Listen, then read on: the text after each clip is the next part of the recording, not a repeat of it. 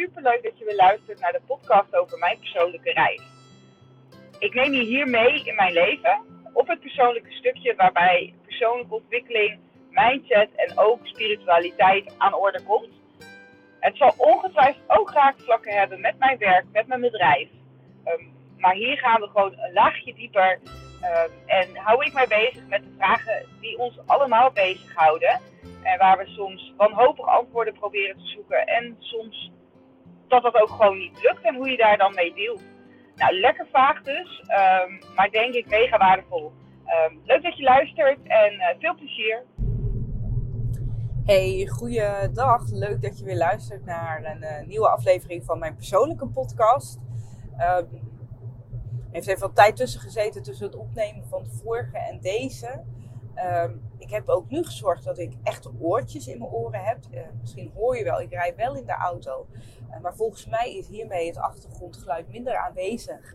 En uh, is mijn stem beter hoorbaar. Dus mijn excuses voor de geluidskwaliteit van de, de afgelopen afleveringen. Alleen ik heb toch besloten ze online te zetten. Omdat ze wel echt recht uit mijn hart kwamen. En ik het lastig vind om een, een aflevering wat ik zo intuïtief en zo ja, vanuit mijn gevoel opneem, opnieuw op te nemen. Um, dus ja, ik ga er gewoon vanuit dat als je het interessant vond en uh, er dingen in zaten die jij moest horen, dat je door uh, de slechte geluidskwaliteit heen hebt geworsteld en uh, eruit hebt gehaald wat voor jou nodig was. Um, ja, ik was gebleven bij Ibiza. Um, dat ik mijn kristal gechanneld heb gekregen op maandagavond. En nou, de volgende dag uh, gingen we iets doen wat ik ook heel spannend vond. Omdat ik me daar ook echt werkelijk geen voorstelling kon, bij kon maken. En omdat ik uh, ook weer, wat ik al in eerdere afleveringen zei, uh, veel hoorde over vals licht en je energetisch openstellen. En nou ja, dat dat tijdens zo'n sessie als dit, nou ja, dat daar ook een soort van gevaren, ik heb echt zo'n hekel aan het woord, maar Um, ja, ik wil het toch wel even gezegd hebben. Zitten. Dus ik was heel uh, aarzelend. Ik, had nou, ik zal even zeggen waar het over ging. Het ging over een kapsessie. We gingen een, een Kundalini Activation Process doen. En ik had al wat filmpjes voorbij zien komen. Dat is heel grappig hoe dat gaat, hè. Um, trouwens, grappig. Zo gaan die dingen nou eenmaal. Uh, wat filmpjes voorbij zien komen van kapsessies. En um, ik kreeg daar een beetje een heimelijk gevoel bij. Um, op het moment dat mensen een kapsessie doen, is het mogelijk dat, ze, uh, dat hun lichaam uh, ja, eigenlijk een soort van ongecontroleerd gaan bewegen. Dan lig je op het matje en dan ga je zo van kronkelen en nou, je rug in rare krommingen. En het ziet er heel onnatuurlijk uit. En ik, ik, ik wist het niet zo goed. Um, goed, Nicole die kwam en uh, die nam ons mee in wat het is. En ik wist daar vanuit mijn jaaropleiding al wel wat, uh, of eigenlijk al best wel veel over Kundalini. Want Kundalini is de levensenergie die in jou zit. Um, en zich door je zeven chakra's als een slang omhoog werkt, zeg maar. Laag werkt. want Kundalini uh, gaat van boven naar beneden. Vanuit je kruin naar wortel, chakra. Um, en het is de levensenergie die wij allen in ons hebben. En in een Kundalini Activation Process uh, wordt die levensenergie weer aangezet. En sommige mensen kunnen dan een, awakening krijgen. Um, die, dat is dus een hele heftige um, uh, ervaring. Maar bij vele mensen is het ook vele malen milder en wordt, uh, wordt, wordt die geactiveerd. Um, En in tegenstelling tot, eh, tot, eh, tot een plantmedicijnceremonie neem je nu dus helemaal niets in. Uh, wat er gebeurt is dat je, uh, ja, je gaat liggen op een matje en er wordt bepaalde muziek gedraaid. En daar luister je naar en soms maken ze ook gebruik van muziekinstrumenten. En degene die, de cap facilitator, degene die de, de kapsessie verzorgt, die loopt ook langs en, en, en uh, raakt jou uh, dan wel fysiek aan, dan wel energetisch aan op bepaalde punten in je lijf om blokkades op te heffen. Ik, ik hoop dat ik het zo een beetje goed uitleg. Um, nogmaals, ik heb de theorie toen wel gehoord. Maar mijn ervaring is natuurlijk vele malen interessanter. Maar dan heb je een beetje, misschien een klein beetje een beeld wat er dan gebeurt. Ik krijg altijd, ik ben in de auto aan het rijden en dan krijg ik meldingen. ik ben nou zo benieuwd of jij uh, deze melding uh, hoorde van uh, Flitsmeister. Um, nou ja, goed. En um, wat ik zeg, ik vond het een soort van spannend vanwege nou, dat energetische stuk en je, het openstellen van jezelf energetisch. Um, maar inmiddels had ik ook wel gevoeld dat we een hele veilige setting hadden. Uh, de intenties van de deelnemers in de ruimte allemaal heel zuiver waren. En dat ik zelf ook beschermd word. En die bescherming kon vragen. Nou ja, dit is super zweverig. Um, maar ik geloof heel erg dat we allemaal beschermengelen slash gidsen bij ons hebben die ons uh, guiden in ons leven. Uh, waar je in min, meer of mindere mate afhankelijk van, van hoe je zelf open staat, contact mee kunt maken. Nou ja, goed, ik ben daar dus heel erg in aan het oefenen om uh, daar meer contact mee te maken. En nou ja, dat heb ik voor de sessie ook weer gedaan. En toen ben ik die kapsessie ingegaan, heel open. En ik denk, nou ja, er werd ook wel gezegd van het kan ook best zijn dat je echt helemaal niets voelt. Ja, en ik wist eigenlijk al een soort van zeker dat ik diegene zou zijn die natuurlijk weer niks zou gaan voelen. Ik, ik, ik, ik kon ook echt niet met mijn hoofd erbij dat er echt iets zou kunnen gebeuren. Puur en alleen maar door muziek, soort van. En, um, maar goed, ik denk, ik ben er en ik, um, ik ga het gewoon ervaren. En uh, dit was wel een. Uh, zal ik bij de volgende podcast die ik opneem ongetwijfeld ook nog zeggen. Ik, ik heb echt zo in overgave geleefd die week. Heel bijzonder. En um, ik heb me dus ook tijdens deze sessie. Uh, ja, dus blijkbaar toch dusdanig over kunnen geven dat er dus bij mij ook van alles gebeurde. En um, het was niet mega heftig. Voor mijn gevoel was het vrij subtiel. Maar mijn lichaam nam het op een duur wel over. Dus op de muziek die, die, die is natuurlijk heel bewust gekozen. Het zijn bepaalde, ja, ik denk bepaalde klanken, bepaalde tonen of zo. Um, die iets aanzetten in je lijf. En mijn lijf ging, ging bewegen, ging shaken, ging, ging bewegen. Um, zonder dat ik het ook kon tegenhouden. Dus mijn hoofd merkte wel van, hé, hey, mijn lichaam beweegt. Maar als ik dan dacht, nou, nu ga ik mijn lichaam stilhouden, dan kon dat misschien heel even. Maar dan nam mijn lichaam het eigenlijk gewoon direct weer over. Zo van, nee, jouw lichaam gaat nu gewoon bewegen. Eh, heel maf. Heel maf. En dat is eigenlijk gewoon ook datgene wat er gebeurt. Um, verder loopt ze inderdaad rond met muziekinstrumenten. Met, uh, soms raakte ze je bijvoorbeeld op je voeten even aan. Um, soms voelde ik ook gewoon dat ze boven mij hing of zo. Um, en dan raakte ze dus bepaalde energiepunten.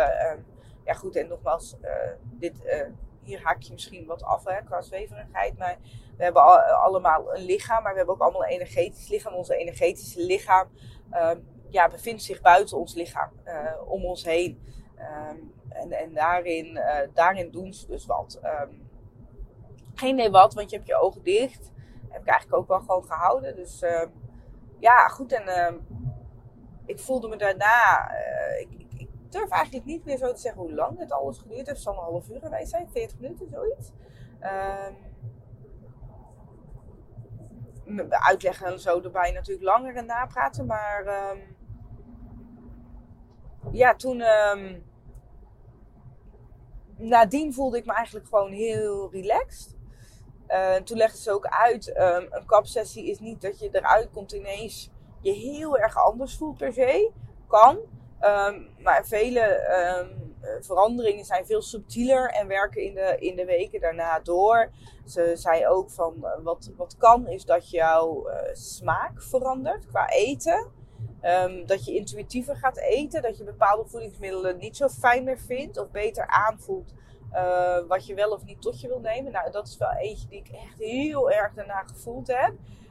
Um, het helpt misschien ook niet dat ik die week uh, echt fantastisch heb gegeten. En, uh, dat is ook een dingetje voor mij, maar daar kom ik nog wel even op. Maar we hebben de hele week vegan gegeten. En um, nou, ik merkte dat ik, um, dat ik thuis wel meer behoefte had aan gezonder eten. ik ben het inmiddels een klein beetje kwijt. Maar ehm, ik, ik had wel echt zoiets, oeh, gatsie, gaan we dit eten? Daar heb ik echt, echt geen zin in. En dat, dat richtte zich echt vooral op vlees, rood vlees en ehm, suikers.